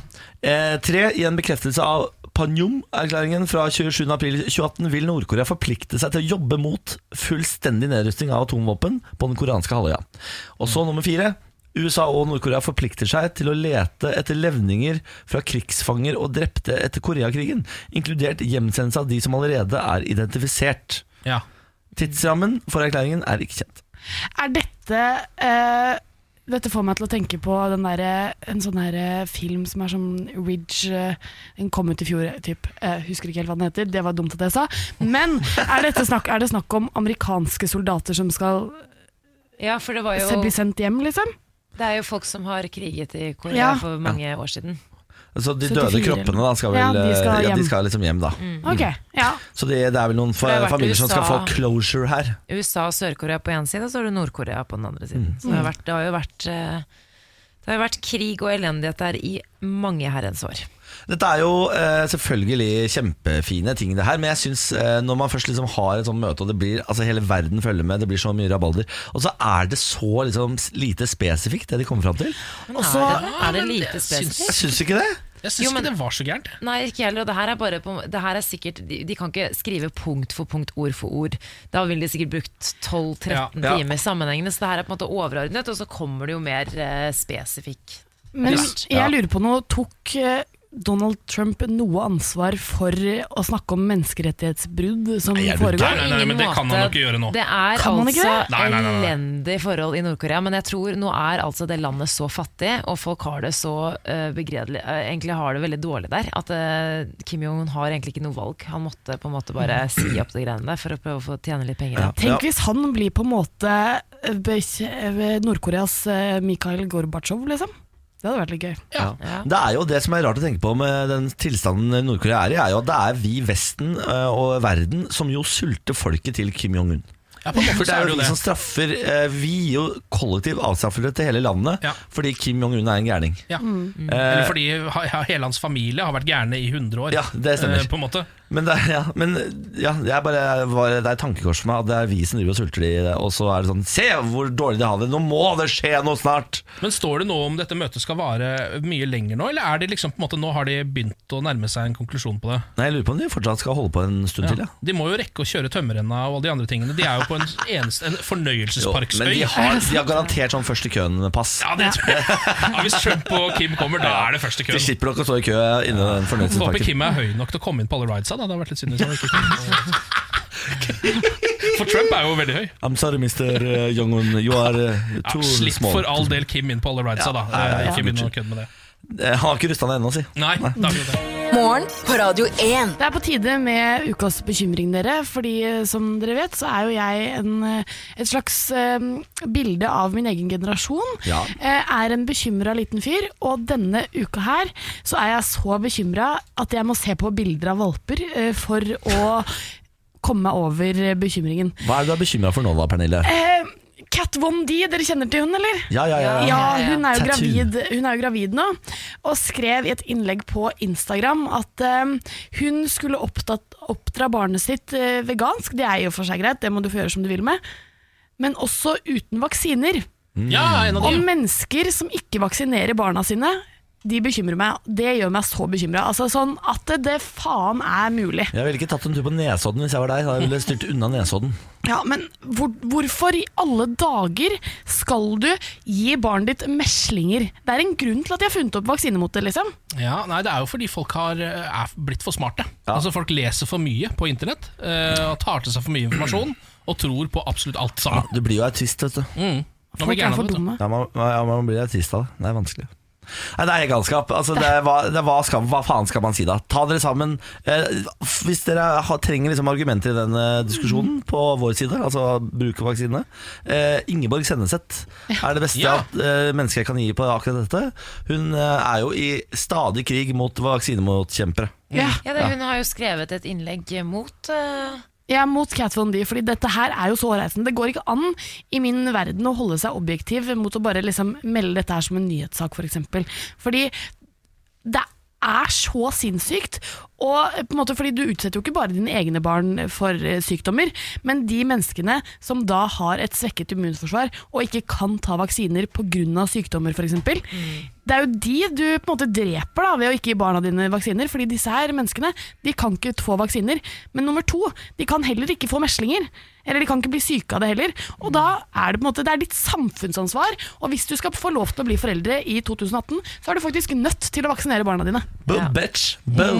Jeg tror vi alle er enige her, jeg, Ja. selv om ingen av oss har jo barn. Du har jo en Bjarne. Ja, ja. jo Han vaksineres i huet og ræva, Bjarne. Han, har- jo da, han har masse vaksiner. Er du gæren? Men jeg tror hvis jeg eh, skulle fått barn, så, så er vaksine ganske viktig for meg. Altså. Ja, det er det. Det hender at jeg faktisk eh, noen ganger i helgene, hvis ikke jeg har andre ting å gjøre, så vaksinerer jeg andres barn. Da går jeg bare rundt og vaksinerer andres barn, og det syns jeg er helt greit. Det hadde jeg vært forsiktig man sa det. Morgen på Radio 1. Hverdager fra seks. Achtung! Dette er slutten på podkasten. Achtung! Ja, Achtung er betyr advarsel, gjør det ikke det? Ja, tysk. Ja, Du er veldig god i tysk. Jeg er veldig språkmektig, vet du. Mm. Ich habe eine kleine große Svanse. Eh, Ja, er du svansen har nese? en Nei, det er stor tisse. tissefat. Ah, du har en liten stor tissefant. sa du nettopp. Skal vi bare si ha det på fire forskjellige språk? Ja. Ja. Bon voyage. Det er ikke ha det, Arrivederci. Farvel. Bimvindo! Oi! Uh! Ratata. Ratata. Ok, vi snakkes i morgen. Ha det.